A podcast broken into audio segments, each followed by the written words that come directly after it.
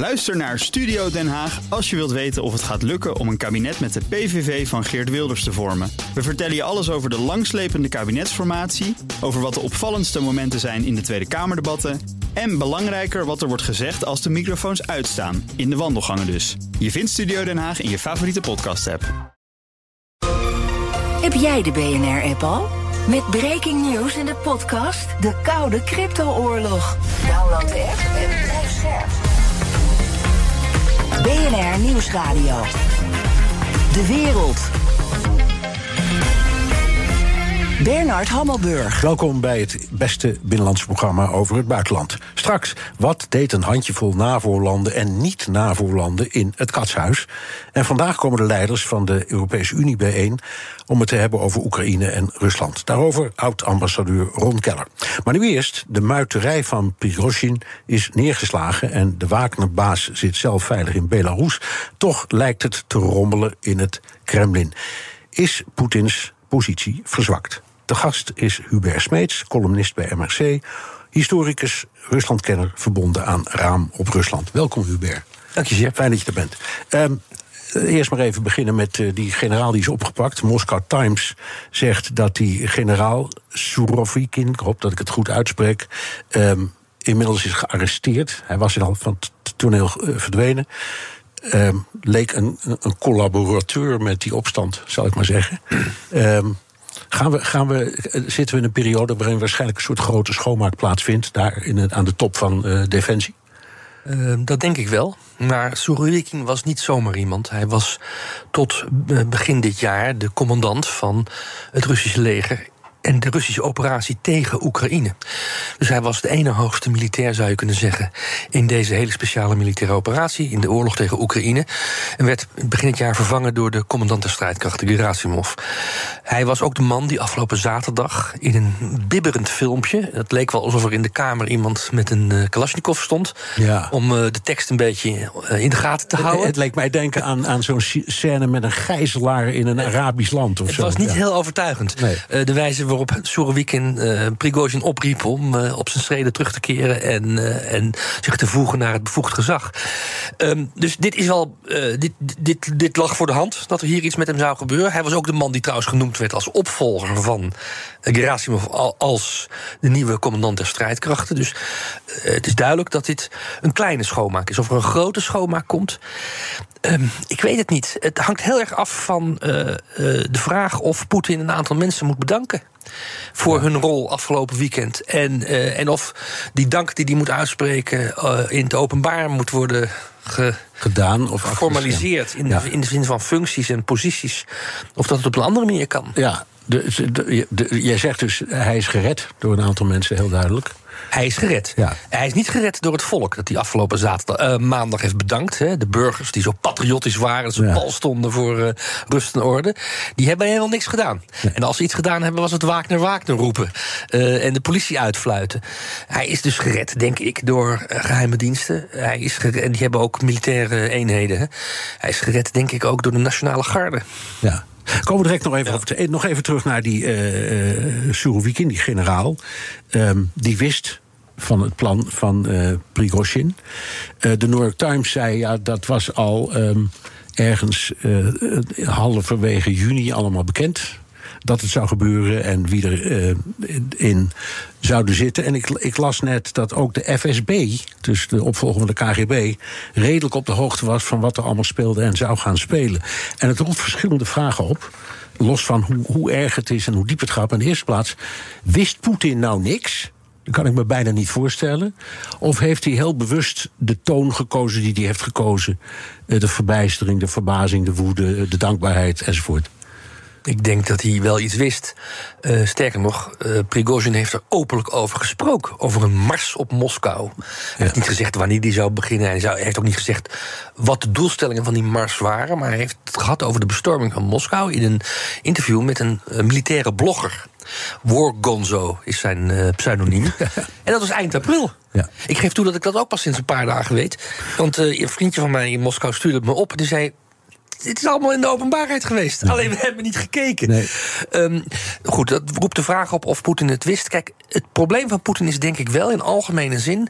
en dat zei Prigozhin ook in een van zijn communiqués... via de Telegram-kanaal dat Poetin niet correct en eerlijk op de hoogte gehouden wordt van de vorderingen van de oorlog. Ja, dat zegt hij al heel lang. En dat zegt hij al heel lang. Ja. Hij zegt er zijn, eh, er zijn tien keer meer slachtoffers gevallen in de oorlog dan de staatsmedia melden. En vier, vijf keer meer dan de president te horen krijgt. Ja.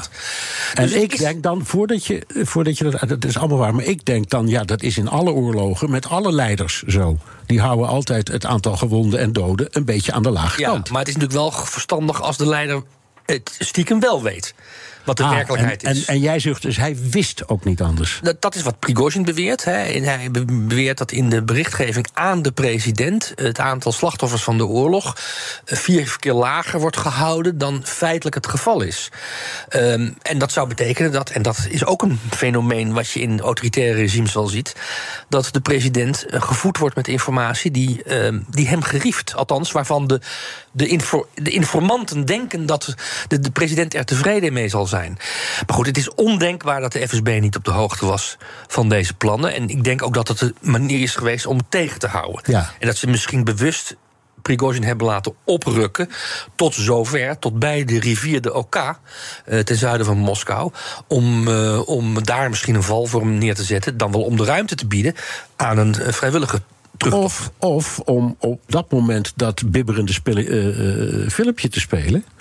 eh, waardoor eh Prigozhin plotseling dacht: hé, hey, mijn maatjes in Moskou laten me in de steek. In de steek. Ik heb geen keuze meer, ik moet keuze. omdraaien. Ja, dat zou heel goed zijn. Dat zou heel goed mogelijk zijn. Maar hoe je het ook wendt of keert, het ondermijnt het beeld van Poetin als eh, alwetende, eh, allesziende eh, president boven in de top van de, van de Olympus. Ja. Dus ik, kijk, ik vind het een ontzettend ingewikkelde vraag. Wat ik wel denk te kunnen beweren is dat ook in Rusland er gewoon dingen gewoon maar gebeuren. Ja. dat er gewoon geklungeld wordt. En dat, dat de incompetentie. Ook van de geheime diensten in, in, in Rusland veel groter is dan we denken. Kijk, Zij zijn heel goed in staat, de geheime dienst FSB, om ons van de straat te plukken, in elkaar te beuken. En vervolgens onze filmpje te laten opnemen. waarin wij onze, onze spijt betuigen voor onze uh, majesteitsschendelijke eh, gedrag. Vandaag of morgen hier in Amsterdam. Dat kunnen ze heel goed. Uh, het is een repressieapparaat voor ge uh, gericht tegen gewone mensen. Maar of ze echt goed zijn in, in, het, in het subtielere inlichtingenwerk. Je kan, het, je kan het je afvragen. De, de, de geheime dienst, de militaire geheime dienst, het GRU. Die toch dit zeker zou moeten weten. Want het is eigenlijk meer een taak van de GRU dan van ja. de FSB. Die heeft in het verleden zoveel fouten gemaakt. Ja. He, die hebben al die sporen achtergelaten over hun Novichok-vergiftigingsaanvallen. En waarom zouden ze dit dan wel goed doen? Ja. Um, wat doet Poetin of wat doet de Russische regering om in ieder geval de indruk van rust te herstellen? Uh, dat, dat, doen ze door um, Poetin nu, uh, of uh, althans iemand die op Poetin lijkt, op pad te sturen. Ja, Dagestan. In Dagestan. Ja, ja. ja nou, dat is, dat is niet om de hoek van, nee, uh, van dus... Moskou. En dat is uh, bovendien een heel gevaarlijk gebied. Je, je, zou kunnen zeggen het gevaarlijkste gebied van heel Rusland. No-go area. Nou, ik heb altijd gehoord dat een groot deel van de IS-soldaten... dat Daar. dat Dagestani waren. Ja, dat is heel goed. Ja. Dus dan heb je een beetje de indruk wat voor soort mensen dat zijn. Ja, nou, Dagestan is, dat is, Dagestani bestaat eigenlijk niet. Het is een clanmaatschappij. Dus elke, elke vallei heeft zo zijn eigen, zijn eigen uh, wereldje. Maar daar ging hij naartoe om een selfie te laten opnemen. En, uh, en, en met, iets, met iets wat ik nooit eerder had gezien, namelijk een glimlach op zijn gezicht. Ja, dat is ook de reden waarom uh, deze, uh, dit, dit bad in de menigte, wat Poetin eigenlijk nooit doet, en zeker niet sinds het begin van de oorlog, maar een enkele keer heeft hij zich onder het gewone volk begeven, en dat was altijd heel moeizaam. Dat is waarom dit filmpje dus uh, ja, sorry, ik, ik heb het nooit willen zeggen en ik heb er nooit in willen geloven. Maar sinds gisteren ga ik toch denken dat we in geval met de mogelijkheid rekening moeten houden dat er een dubbelganger is. Ja. Nee, dat begrijp ik. en dat het dus niet Poetin is. Ja, maar, en, maar een dubbelganger die kan lachen. Die kan lachen. Ja. En die ook weet dat hij, wat, als hij zijn mond maar houdt, dat uh, het jij, goed is. Jij, jij hebt me wel eens uitgelegd dat lachen in, uh, in Rusland ook een teken van zwakte is. Hè? Je hoort niet te lachen. Nee, een, een leider lacht niet. Een president die heeft geen plezier. Uh, die, die lacht om mensen, maar ja. niet voor, zomaar uit zichzelf. Okay. En vandaag verscheen er een filmpje waarin deze Poetin op, een, op een soort van billboard een, kindertekeningetje maakte. Ja. Uh, ja, sorry. Het is bijna niet geloofwaardig meer. En dat leidt ertoe dat je gaat afvragen of Poetin is een ander mens geworden afgelopen weekend. Oké, Is- de, de hele wereld heeft het voortdurend over complotten, dus wij mogen ook een keer, toch? Ja, ja. ja, maar goed, ik, ik vind het, het idee van een dubbelganger zo idioot dat ik het altijd heb verzwegen. Ja, ja. Hier in de uitzending in aangeval. Maar sinds gisteren denk ik, zou het? Ja. nou, we hebben de neiging in het Westen om ons rijk te rekenen. Het rommelt in het Kremlin, eh, het gaat allemaal niet goed, Poetin te zwak enzovoort. Is dat niet ook wensdenken? Ja, dat denk ik wel. Dat zag je afgelopen weekend ook heel sterk. Hè? Ik ben mezelf ook hoor. Een, eh, een, eh, een groot gevoel van besmuikte vreugde. Hè? Ja. Vooral niet laten merken, maar denken van... ah, wat leuk, het gaat, eh, het gaat daar rommelen in, in Rusland. Ik denk dat het wensdenken is. Ehm, eh, Poetin moet in staat zijn om... ehm, om een nieuwe coalitie te bouwen. Dat is denk ik wel mogelijk. Hij moet een nieuwe coalitie bouwen. En dat is een hele lastige coalitie. Want enerzijds moeten die militaire bloggers, de, de, de patriotten, eh, de verschillende gewapende machten in Rusland. Dat is niet alleen het leger. Dat zijn ook allemaal ehm, eh, andere, kleinere, maar toch heel sterk uitgeruste militaire, paramilitaire groepen. Moet hij moet die, moet die tevreden houden. En tegelijkertijd moet de schoorsteen roken. Want die oorlog kost geld. Dus hij moet ook het bedrijfsleven, ehm, de oligarchen zoals ze vroeger heten, ehm, de, eh, de, de, de staatsbedrijven. Moet hij ook eh, perspectief bieden dat ze door kunnen blijven werken op de manier zoals ze het tot nu toe gedaan hebben. En dat is een, dat is een heel ingewikkeld proces en een hele ingewikkelde coalitie. En, en wat is het gevaarlijkste element in dat proces voor Poetin? Ehm, het gevaarlijkste element is dat de krijgsmacht ook zelfs de schijn niet meer ophoudt te zijn. En de gevaarlijkste eh, groep, gewapende groep, eh, die er is, niet voor Poetin zelf, maar wel voor eh, het, de stabiliteit binnen de gewapende groepen en tussen de gewapende groepen, de zogenaamde Siloviki. Dat is de Nationale Garde, de Rosgwardia. En de commandant van de Rosgwardia, die was de afgelopen dagen, voor zover we hem in beeld zagen, buitengewoon tevreden. Ja. Dat is de man die vroeger lijfwacht was van Poetin. Dus de baas was van de security service, om maar even zo te zeggen. Die is nu de commandant-generaal van de Rosgwardia. En ik zou het niet eh, gek vinden als de Rosgwardia op dit moment een hele belangrijke rol krijgt En- en- voor de interne vrede. En blijft de minister van Defensie Shoigu, die, die eh, eh, Poetin duidelijk in bescherming heeft genomen, of misschien hebben ze elkaar in bescherming genomen, kan niet precies beoordelen. Blijft die, denk je, een rol spelen? Kijk, dit is een puzzel die pas achteraf gelegd kan worden. Ja. En dat is het vervelende van politiek in Rusland. Maar ik kan me niet voorstellen dat Shoigu eh, eh, 2024 haalt. Ik geef toe, dat is een ongelooflijke lange termijn. Nou, het zijn verkiezingen. Eh, maar ik kan me dat haast niet voorstellen. Want laten we eerlijk zijn. Prigozhin dat is een schoft, hè? Dat is gewoon een keiharde sadist. Die zou in de SS een grote carrière gemaakt hebben, denk ik. Ehm, maar hij heeft ook een paar dingen gezegd die waar zijn. Namelijk dat Shoigu gewoon een corrupte kerel is. Dat Shoigu een deel van het defensiebudget in zijn eigen zak... en het zak van zijn kinderen en zijn neven en nichten heeft gestoken. En dat beeld, dat verhaal, dat verdwijnt niet zomaar uit, de Russische, eh, uit het Russische bewustzijn... uit de Russische publieke opinie. Dus, en als nou Shoigu een enorme succesvolle minister van Defensie zou zijn geweest... ja, dan is alles vergeven en vergeten. Maar dat is hij niet. Nee, is hij niet. Ja, nou, even over, je zegt eh, hoe mensen denken. Je hebt goede contacten in Rusland, dus jij kunt een beetje over de muur van het Kremlin kijken. Is er wat te zeggen over wat mensen denken dat er aan de hand is? Hoe zien ze het? Nou, dat, wat mij opviel de afgelopen weekend was dat. ehm, eh, er eigenlijk niet meer gesproken werd in complottheorieën. Door mensen met wie ik sprak. Hè. Dat is natuurlijk een beperkte groep. Een beetje ook geestverwanten van mij. Dus dat, dat is niet de Russische samenleving. Maar over het algemeen eh, plegen Russen heel snel te denken in complotten. Hè. Dus eh, je ziet niet wat je ziet. Er gebeurt niet wat er gebeurt. Eh, er is iets groters gaande. wat we niet kunnen zien, maar wat zich zal openbaren morgen of overmorgen. Dat gebeurde dit keer niet. De mensen waren gewoon bewust. de, mensen waren heel erg nerveus. Hadden geen idee dat dit een opzetje was. Dat dit een, een theaterstuk was met een vast scenario. Eh, dus het is heel moeilijk om, eh, om te denken, om, om te voorspellen hoe de Russische bevolking gaat reageren. Eh, dat de Russische bevolking niks gedaan heeft afgelopen week. Niet in het krijt getreden is, behalve dan in Rostov, voor Prigozhin, maar ook niet voor Poetin. Dat staat vast. Dus Poetin heeft eigenlijk eh, gezien de afgelopen weekend dat hij van de Russische bevolking, die hij zo bedankt heeft voor, voor zijn patriotisme, eh, dat hij van de Russische bevolking heel weinig te En de verwachten. Russische maatschappij, al dus Hubert Smeets in de NRC, bestaat niet. Nee. Dus, Nee, de Russische maatschappij is een, is een, is een verzameling individuen. eh, die eh, misschien met elkaar nog een. Nou, eigenlijk ook helemaal niks meer gemeen hebben. Eh, dus je kan, niet, je, je kan wel de, peilingen, de meningen peilen van die individuen. maar die individuen doen niks samen. Geen voetbalvereniging, geen kantinediensten. Ze doen eigenlijk niks samen. En ze hebben zeker geen politieke organisaties meer samen. Dat bleek afgelopen weekend heel erg goed. Men bleef witte wijn drinken aan de boorden van de Moskou-rivier. Ja. Ehm, Liz Truss zei deze week in het Lagerhuis... We, we moeten ons voorbereiden op een implosie van eh, Rusland. Wij, het Westen. Heeft ze gelijk? Ehm, nou, ik denk dat dat te ver gaat. Ehm, maar dat, de, eh, dat er eh, geen eenheid is binnen de Russische federatie... die zich vanzelfsprekend manifesteert wanneer Poetin weg zou vallen... dat staat denk ik wel vast. Ik denk dat we ons geen zorgen hoeven maken eh, op dit moment voor het uiteenvallen van het land, maar dat we ons wel moeten voorbereiden op een, je zou kunnen zeggen, uh, hardhandige federalisering van ja, Rusland. Maar, ja, maar daarin kan altijd iemand bovendrijven die net iets, gemak, iets minder serieus denkt over het drukken op de knop. Ja, je bedoelt dat koffertje. Dat koffertje. Ja, uh, en het is toch de grootste kernmacht ter wereld. Um, dat is zeker zo. Uh, het is godzijdank zo in Rusland ook dat het niet één handtekening is die nodig is. Niet één nee. uh, vinger is die de, die de knop kan indrukken. Maar het is zeker Net als in Amerika, er zijn er meerdere nodig. Ja, in Rusland drie zegt men, maar of dat zo is, weet ik niet. Dus veel, het is zo'n ingewikkelde procedure, het is gewoon te veel werk om een atoombom te lanceren. ja, ja dat, dat, dat, als dat zo zou zijn, dan hoeven we ons ook niet zo ongerust te maken.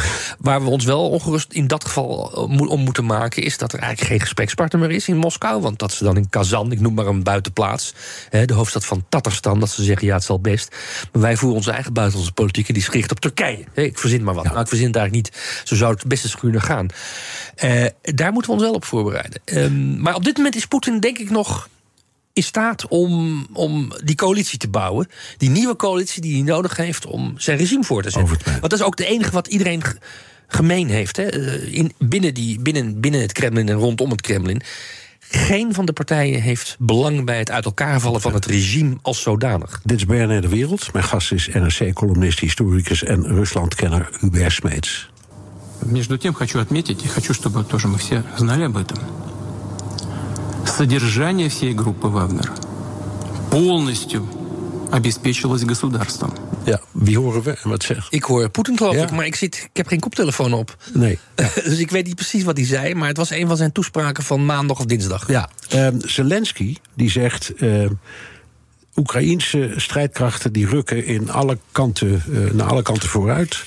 Uh, Poetin uh, had altijd de, de, de kwestie van tijd aan zijn kant.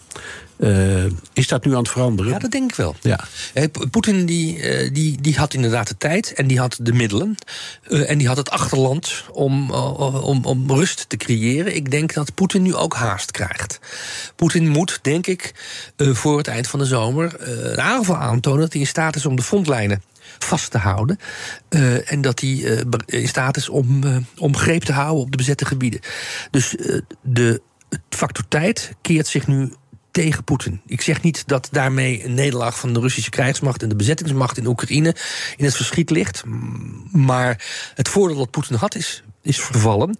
En dat is gunstig voor, voor Oekraïne. Maar vergeet niet, Oekraïne is ook moe. Hè? Ik, heb wel met, ik heb met een paar mensen gesproken in Kiev. Twee slechts hoor, dus dat stelt niet, statistisch niet veel voor. Maar god, wat hoopte die dat het zou lukken. Ja. De muiterij okay, afgelopen weekend. Even daarop aansluiten. We hadden het er net ook al over. Toch een beetje euforie in de af, in, op zaterdag. Van zou het nou toch gebeuren? Dachten de Oekraïners, inclusief Zelensky ook. Jongens, dit, uh, dit is fantastisch nieuws voor ons. Ja, of beseften ze al heel snel dat het wat dat betreft niet zo heel veel uitmaakt? Nou, nee, ik denk dat ze het fantastisch nieuws vonden. Als ik die twee gesprekken die ik gevoerd heb uh, serieus neem.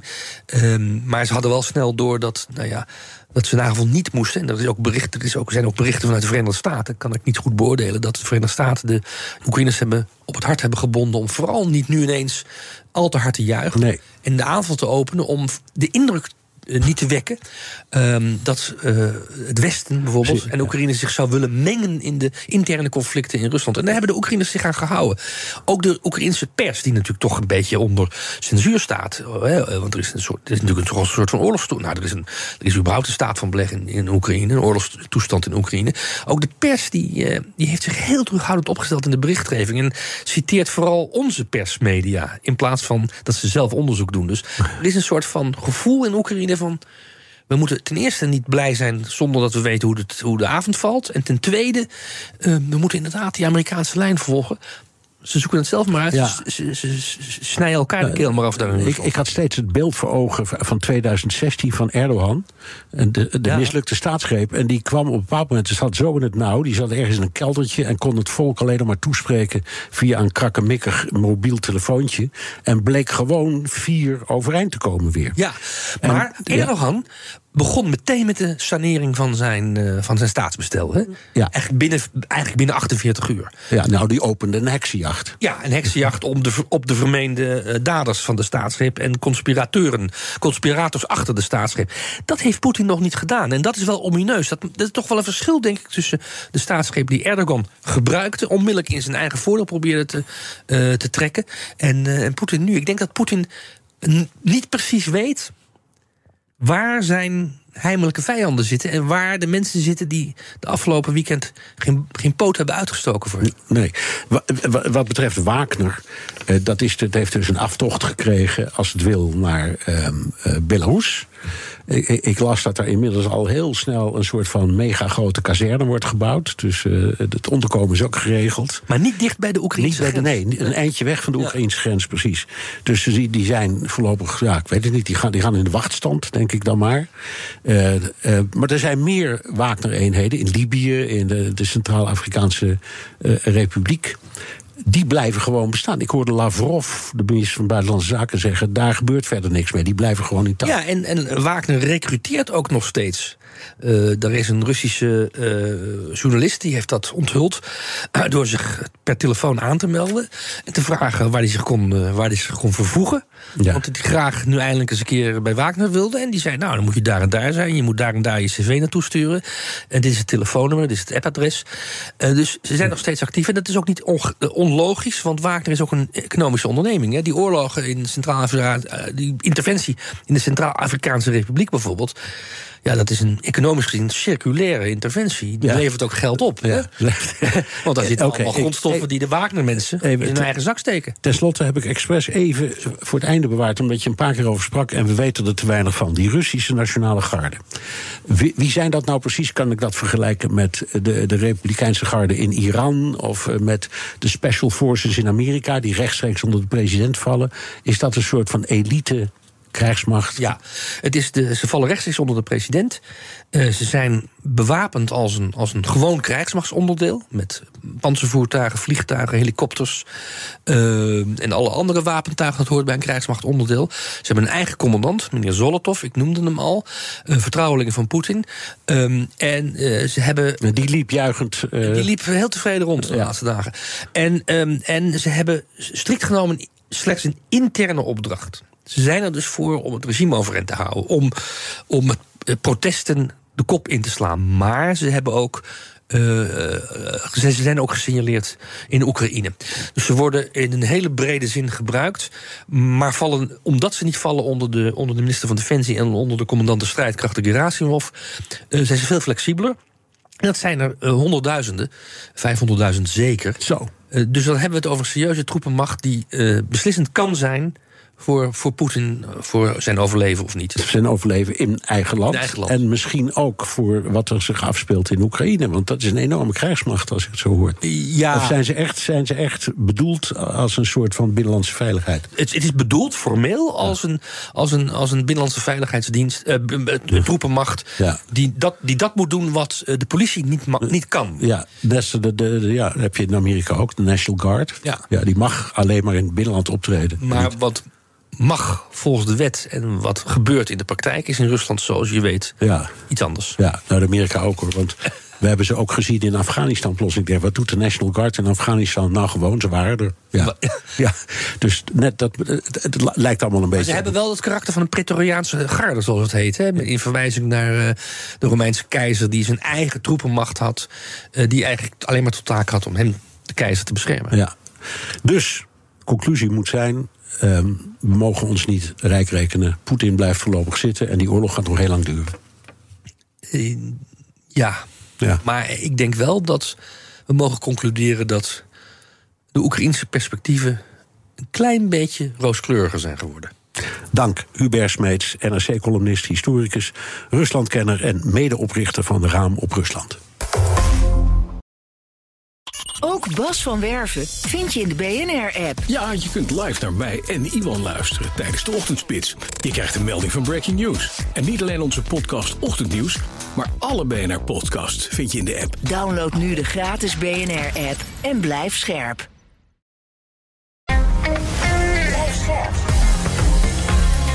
BNR Nieuwsradio. De wereld. Bernard Hammelburg. De leiders eh, van de Europese Unie zijn vandaag en morgen bijeen om onder andere de ontwikkelingen in Oekraïne te bespreken. Wat kan de internationale gemeenschap doen om nog beter samen te werken op het gebied van defensie? En hoe moeten we nou omgaan met China? Mijn gast is Ron Keller, oud-ambassadeur onder meer in Rusland en China. Welkom, fijn dat je er bent. Ja. E- Eerst maar even de actualiteit. Je hebt net meegeluisterd met, eh, met Hubert Smeets natuurlijk. Hoe kijk jij naar de, de, de ontwikkelingen rondom Prigozhin? Ja, ik denk dat ik weet het eigenlijk 100% met Hubert eens. En een fantastische analyse, heb ik weinig of niets aan toe te voegen. We zijn te euforisch geweest, heel veel wensdenken, zoals u dat terecht noemde. Prigozhin heeft niet echt een opstand gepleegd. Hè. Dat is het enige wat ik nog wil toevoegen aan wat jullie bespraken over Turkije. En hè, dat is niet, die paralleliteit gaat niet helemaal op. Dat was echt een alternatief regime dat zich aandiende. Hè. De Gulen-beweging met een ja, veel islamitischer Turkije als alternatief. Ehm, dit was natuurlijk geen echte coup. Dit was geen echte politieke omwenteling. Prigozhin was gewoon boos dat hij onder het centrale commando moest gaan volgen, gaan vallen. En hij dacht, Poetin maakte al een uitzondering. Dat gebeurde niet. En hij werd boos en hij is Nou, ja, en- impuls naar Moskou Ja, gereden. en hij had dus Ja. een paar maatjes die nu door de mand zijn gevallen. Ja, zal ik maar zeggen, waar die op rekende. En die hebben hem laten vallen. Ja, ook, ont- ook, die waren ook ontevreden, hadden ook iets af te rekenen met Shoigu. Dus Ja. dat, dat is eigenlijk meer, meer een impulsieve eh, eh, actie geweest... dan dat het een georganiseerde, voorbereide coup was. En hoe is Poetin eruit gekomen? Ja. Verzwakt? Of, of... Ik denk dat hij daar, dat hij het, het, de naar omstandigheden is hij er goed uitgekomen. Het blijkt dat hij toch wel stevig in het zadel zit. Hè.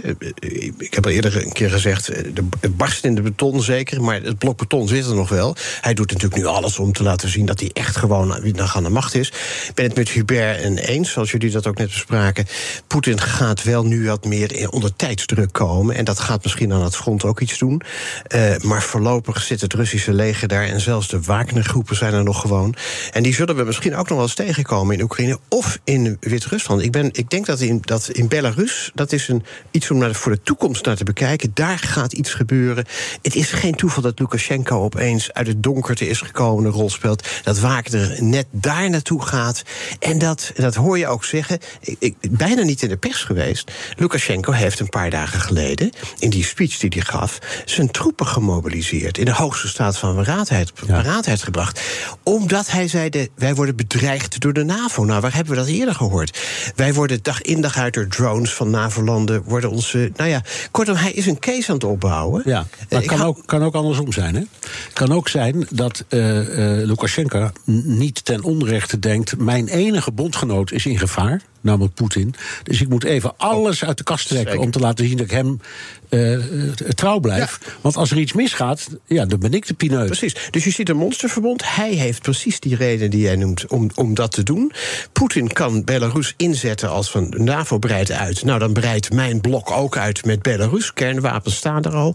En Wagner kan en, en Prigozhin kan zijn privélegertje houden. Zo is iedereen tussen aanhalingstekens even tevreden. Ja. Maar het, probleem, het conflict is wel onvoorspelbaarder en, en toch geografisch ook wat meer geëscaleerd. Oké, wat betekent nu wat zich voltrekt in Belarus voor ons? Omdat jij bent diplomaat, dus komen we even over te spreken. Maar Voormalig diplomaat. Jawel, maar Ja. goed, wel een, eenmaal diplomaat blijft diplomaat. ja. Ehm, nee, maar serieus, hoe, Ja. eh, de, de betrekkingen zijn slecht tussen het Westen en Belarus. Zeker. Ehm, is er nog een manier om daar iets aan te doen? Heeft het ook zin? Ik denk dat we realistisch moeten zijn. Belarus is de facto al een aantal jaar geleden door Poetin ingelijfd. Hè. Dus eh, eigenlijk na de opstand uh, en, en, en, de, volksopstand, de demonstraties van een jaar of drie, vier geleden.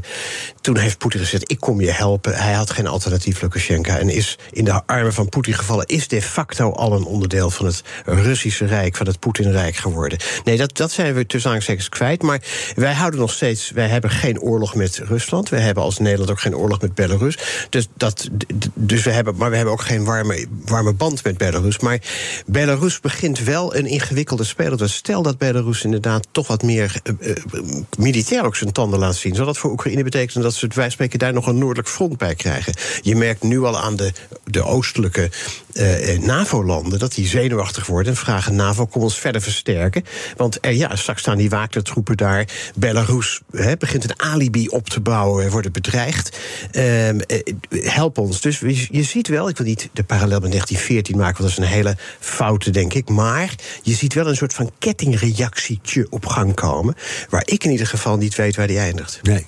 Ik heb geprobeerd een mix te zoeken van landen binnen en buiten de Europese Unie. Dus ik vind het heel belangrijk dat Noorwegen er is. Omdat Jens Steuren, de premier van Noorwegen, een gezaghebbend iemand is in de Europese Raad. Dat geldt ook voor Edi Rama. Die inmiddels uitgroeit tot een van de meest gezaghebbende leiders op de westelijke Balkan. De premier van Albanië. En ook een goede vriend. Ja, Rutte ontving dinsdag samen met uh, Stoltenberg de leiders van een handjevol landen: Roemenië, België, Polen, Noorwegen, Albanië en Litouwen. Ja. Waarom die landen? Ja, heb ik geen idee van. Ik ben, dit, dit is, dit, dit is netwerking, bonding. Uh, uh, ja, weet ik niet. Nee, nou ja, het, je, je, zei net, het heeft zin dat landen die op de een of andere manier in de periferie van Belarus liggen, ja. dat die de hoofd de koppen bij elkaar steken. Ja, en, en... ja maar Nederland en Belarus en, en Albanië. Nou, het is een dwarsdoorsnede van de NAVO, van de wat kleinere landen, als ik Nederland ja. zo mag wegzetten. Um, en het is goed dat die ook zo nu en dan bij elkaar komen. De grote landen hebben wel binnen de NAVO, ieder land is natuurlijk gelijk in de NAVO, maar in de werkelijkheid hebben de grote landen wat meer contact met elkaar. Het is goed dat de middelgrote en wat kleinere landen dat ook doen. Stoltenberg vindt dat ook, denk ik, belangrijk dat die landen bij de groep blijven. Ja. Dus ik vind het eigenlijk wel een heel goed idee om, bij, om ja, de, ik zeg de, de bonding en het En je weet, je ziet altijd meer uh, met, uh, met, met, met, met meer partners. Ja. Dus, ja. Een van de conclusies van die uh, katshuis-sessie was: Oekraïne moet bij de NAVO, maar uh, niemand wil een versnelde procedure. Daar, ja. komt, het, daar komt het eigenlijk op neer. Wat betekent dit nu? In werkelijkheid? Betekent dit, het is een soort principe-afspraak, maar we zien wel over 35 jaar gebeurt het misschien ooit.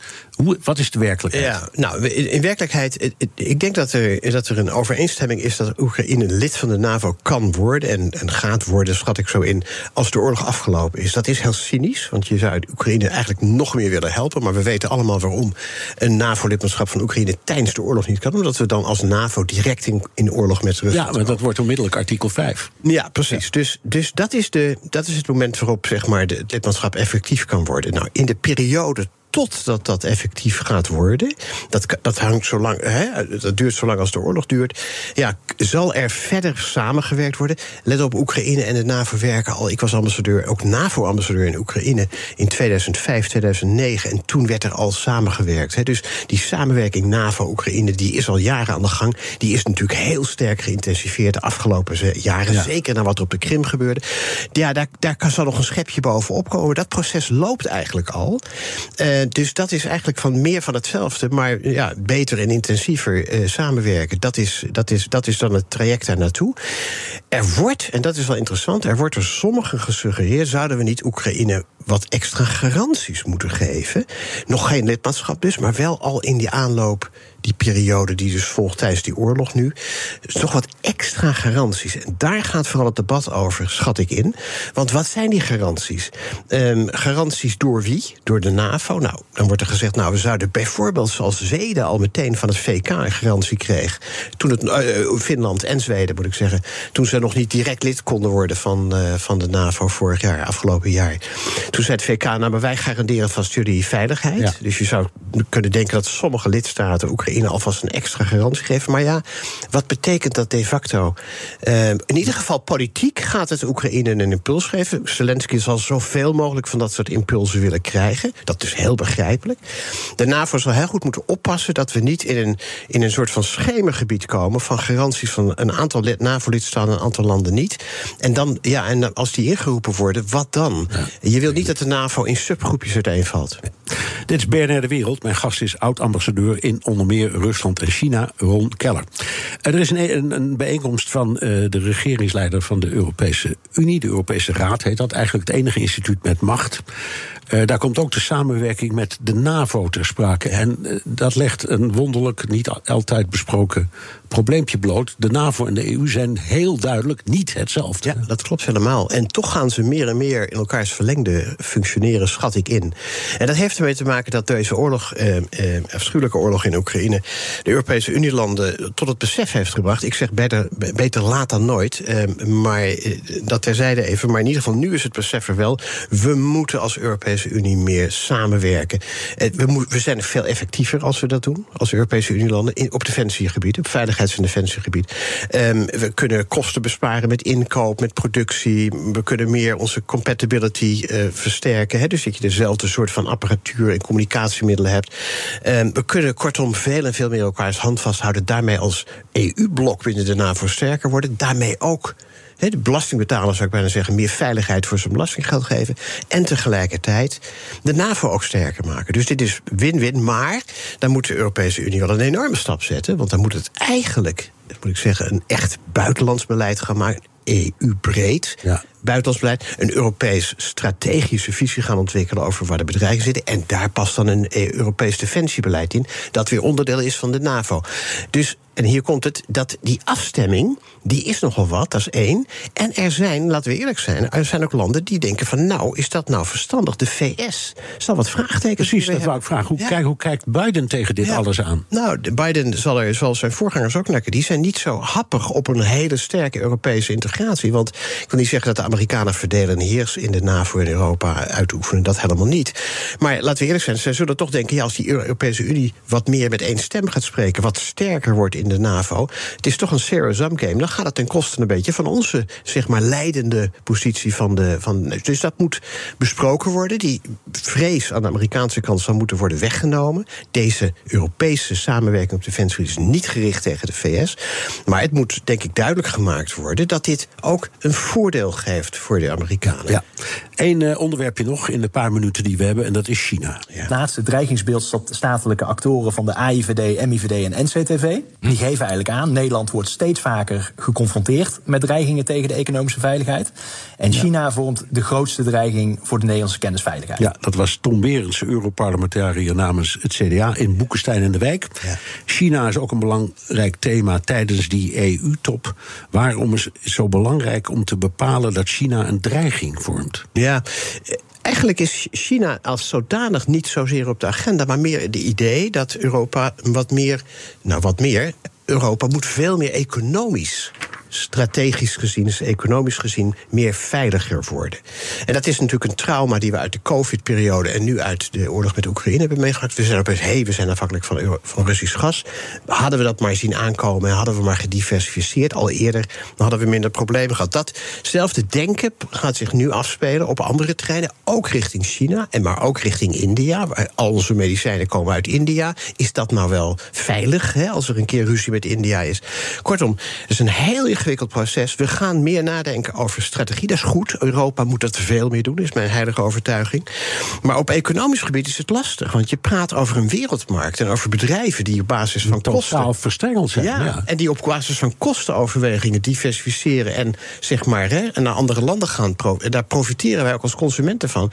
En om nu te zeggen, nou haal alles maar weer terug wat er in China en India is naar Europa, dat is veiliger. Ja, maar ook veel duurder. En hoe ga je dat in een markteconomie organiseren? Ga je bedrijven hier subsidiëren? Ga je importbeperkingen. Uh, uh, kortom, dit gaat een enorm economisch vraagstuk opleveren. Nog los van het feit dat je je moet afvragen: ja, wat, waar zijn we eigenlijk bedreigd? Waar is die onveiligheid? Precies, wat is de strategische ja. en economische ja. uh, veiligheid? Ursula von der Leyen, voorzitter van de Europese Commissie, die, die heeft een soort strategie voorgesteld. Wat houdt die ongeveer in? Nou, die zegt in eerste instantie laten we eens gaan, we moeten nadenken over de definitie van veiligheid. Dat is eigenlijk heel goed, daar moet je mee beginnen. Uh, ten tweede, welke vormen van onveiligheid zijn er? Ze noemt er vier. Eén, als wij zaken exporteren naar, naar, naar China, of via, foreign, via onze investeringen in China of in India naar het buitenland brengen, uh, gaat onze technologie dan wegcijpelen? Uh, zijn we wat import betreft, dat is het tweede kanaal, te afhankelijk. Ik noem al de medicijnen die uit India komen. derde zorgpunt is onze infrastructuur. is die eigenlijk niet heel kwetsbaar in deze globaliserende wereld op internetgebied?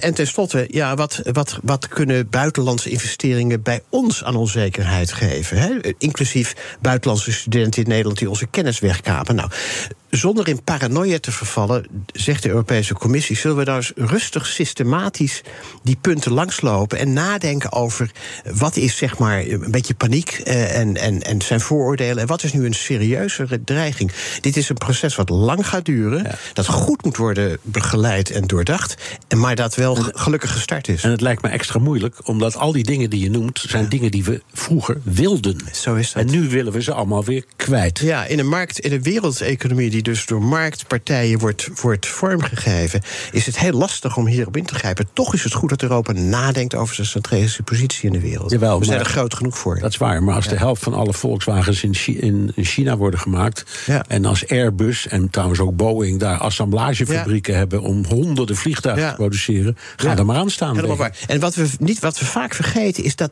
het, het buitenland is ook afhankelijk van ons. Dus daar zou men in zekere zin ook van helpen. Dus mijn, ja, het is heel naïef, Bernard, maar ik denk altijd als we nou maar gewoon vrienden blijven van elkaar en samenwerken, Ja. dan, dan gaan die risico's ook verminderen. Hè? Dus dat, daar begint het eigenlijk mee. Het lijkt mij helemaal niet naïef. Het lijkt mij de oplossing. Ja. Goed, ehm, dankjewel. Alsjeblieft, Keller, oud-ambassadeur in onder meer Rusland en China.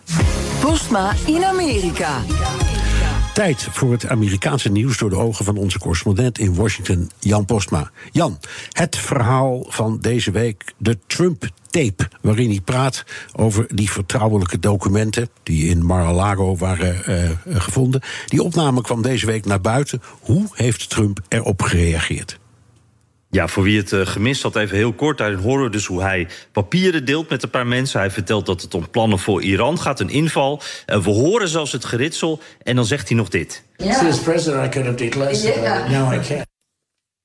Ja, als eh, president had ik dit eh, kunnen declassificeren. Nu kan dat niet. En ja, Trump die heeft in deze zaak eigenlijk steeds een andere excuus. Hè. Eerst zei hij dat de FBI, de documenten geplant had. Dat ze helemaal niet van hem waren. Eh, dat zou dan bij die inval zijn gebeurd. Eh, hij heeft al gezegd dat hij eh, het allemaal zelf eh, eh, vrij kon geven. Nou, nu blijkt hij dus eerder dit te hebben gezegd. eh, te horen op deze opname. Dat kan ik helemaal niet doen. Eh, we hadden het transcript natuurlijk al. Want dat, dat was, eh, dit is allemaal onderdeel van die zaak eh, tegen Trump. Maar nu ook de opname zelf. En je hoort dus hem zelf nu zijn eigen verdediging onderuit eh, gooien. En hoe reageer je dan? Nou, ook nu heeft hij weer heel veel verklaringen tegelijk. De opvallendste vond ik deze. eh, dat was eh, tegen een journalist.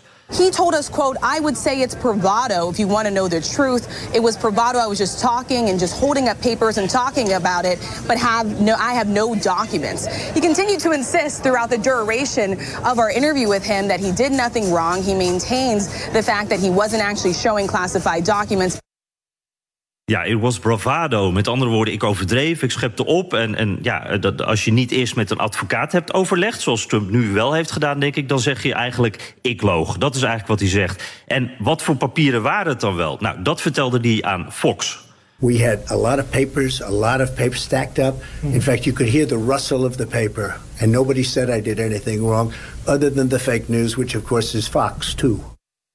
Ja, precies. Snitje aan het eind. Het was dus van alles, van krantenknipsels tot bouwplannen, maar geen vertrouwelijke documenten, zegt Nee, hij. nee, en de foute media, inclusief Fox, zegt hij ook nog even. Ja, precies tegen die arme interviewer van Fox. Die ook maar gewoon de vragen stelt die hij moet stellen natuurlijk. Ja. En ja, het is weer een typische Trump-verdediging. Voor, voor de rechter moet natuurlijk nog maar bepaald worden... wat nou klopt en wat niet. Maar feit is wel dat Trump constant een ander verhaal heeft, steeds een andere excuus heeft, uh, wordt zijn verhaal, vind ik, niet sterker van. En uh, naar buiten toe zorgt het voor veel ruis. En het lijkt vooral dat hij ja, maar kijkt van welke verklaring blijft hangen. Die blijf ik gebruiken tot het niet meer werkt. En dan heeft hij weer een nieuwe. Ja, Republikeinen zijn intussen vooral met president Biden bezig. En wat hoor ik nu, Jan? Biden heeft toegegeven dat hij staatsgeheimen heeft verkocht. Ja, laat dat maar even op je inwerken. Dat is schokkend nieuws, hè? Um, ja, er was een, eh, een, persmoment bij het bezoek van premier Modi uit India. En uh, dit fragment daaruit wordt heel, heel veel gedeeld door republikeinen. I started off without you. And I sold a lot of state secrets and a lot of very important things that we shared. Ja, het valt mij ook vooral op trouwens hoe moe Biden hier klinkt. Maar dat even terzijde. Ja. Uh, Republikeinse partij uh, verspreidt dit als serieus bewijs. Die zegt echt, zie je wel, hij geeft het hier toe. Uh, en het commentaar daarbij is dan, ja, die seniele Biden... die geeft het hier gewoon toe. En zitten ze allemaal achter Trump aan. Dit gebeurt ondertussen in het Witte Huis. Maar je hoort ook, dit fragment eindigt ook best plotseling. Hè? En als je het hele moment uh, opzoekt, de hele scène, zeg maar... dan hoor je dat Biden dit erachteraan zegt. And I sold a lot of state secrets and a lot of very important things that we shared. Now, all kidding aside, look, we're teaming up to design and develop uh, new technology that are going to transform the lives of our people around the world. And together... Ja, en dan gaat het nog even door. Het was dus een grapje en je hoort ook zijn toon daar uh, veranderen. Het was wel een beetje een ongemakkelijk grapje. Dat hoor je ook aan de aarzelende lach van de mensen daar. Ja. Maar uh, dus wel een grap. En zo wordt het niet gedeeld dus. Dus dat is nogal misleidend. Nee, het is ook een hele goede les. Hè. De, de, iedere, de, iedereen, iedere communicatiedeskundige waarschuwt daar altijd voor als je iets zegt, hou er rekening mee dat de journalist die het gebruikt, of de politicus die ermee aan de haal gaat, daar één stukje uit kan halen. En dan kun je nooit ontkennen dat je het hebt gezegd. Dus Ja, het, het, is, het is ook eigenlijk een soort beginnersfout. Het is een soort beginnersfout, bijna. Ja, precies. Want tegenwoordig weten we dat ook als we een debat uh, zitten te kijken te, in verkiezingstijd. Dan weet je ook van als iemand ook maar één zinnetje op deze manier doet. Als een beetje sarcasme, een grapje dat niet aankomt. Dan weet je inderdaad dat het misbruikt kan worden. Dat is precies wat nu gebeurt. Ja. Even uh, praten over Liz Cheney als strijder tegen Trump. die is een beeld, beetje uit beeld verdwenen. Maar deze week dook ze weer op. Ja, op een bepaald moment werd zij echt wel gezien als de leider van de anti-Trump-beweging. Uh, zij was natuurlijk uh, een van de gezichten van de impeachment, de tweede impeachment tegen Trump. Uh, daarna verloor ze haar uh, verkiezingen. Ze werd gestraft door de Republikeinen eigenlijk in haar staat. Uh, was even speculatie dat ze mogelijk presidentskandidaat zou worden. Nou, daarvan zegt ze nu: Mijn doel is. Ik heb eigenlijk maar één doel. En dat doel is om Trump uit dat Oval Office te houden. Punt. Dus als ik zelf daar een partij in zou worden, als ik zelf kandidaat zou worden, dan zal ik dat misschien juist versnellen. Dus dat wil ik niet. Dus ik ga vanaf de zijlijn ga ik het doen. En ze vatte eigenlijk wel, vond ik wel grappig en heel pakkend samen. Wat nou volgens haar het echte proble probleem is voor Amerika op dit moment. Is dat populisme? Is dat polarisatie, inflatie, immigratie? Nee, het is allemaal veel, veel makkelijker. What we've done in our politics is create a situation where we're electing idiots. and um, Ja, dit zegt dus iemand die zelf ook ooit is gekozen, hè, Bernard. Ja. En ze wilde daarna nog wat zeggen, maar het was eigenlijk al niet meer nodig. We're electing idiots. Op naar 2024. Ja, ik, wat mij wel onmiddellijk door het hoofd schoot toen ik het hoorde, was haar vader, vicepresident van uh, de Verenigde Staten onder Bush. Ja. Uh, Dick Cheney. Dick Cheney. Uh, maar ook een heel vooraanstaand parlementslid was uh, uh, zeg maar een rabiate rechtse republikein en ook gewoon gekozen. Dus, mm -hmm. dus, en heel veel mensen riepen in die tijd: dit is een idioot. Vooral toen hij vicepresident werd. Dus in feite dacht ik, ze pakt ook haar eigen vader aan met zo'n statement. Ja, precies. En, en die Dick Cheney, die dan weer een uh, soort van het donkere brein achter George Bush, uh, zo werd hij gezien. En dat vonden Democraten ook weer een idioot. Dus op dat punt uh, heb je altijd idioten die gekozen worden. Ja. Het is maar net in die eye of die beholder, zeggen ja, ze dan. Hè? Ja, zo is dat. Oké. Okay. Jan, dankjewel. Wilt u meer horen over dit fascinerende land? Luister dan naar de, pod, de Amerika-podcast van Jan en mij. Daar komt er waarschijnlijk vanavond laat weer één online. En tot zover BNR De Wereld. Terugluisteren kan via de site, de app Spotify of Apple Podcast. Reageren kan via een mailtje naar dewereld.bnr.nl. Tot volgende week. Ook Bas van Werven vind je in de BNR-app. Ja, je kunt live naar mij en Iwan luisteren tijdens de ochtendspits. Je krijgt een melding van Breaking News. En niet alleen onze podcast Ochtendnieuws, maar alle BNR-podcasts vind je in de app. Download nu de gratis BNR-app en blijf scherp.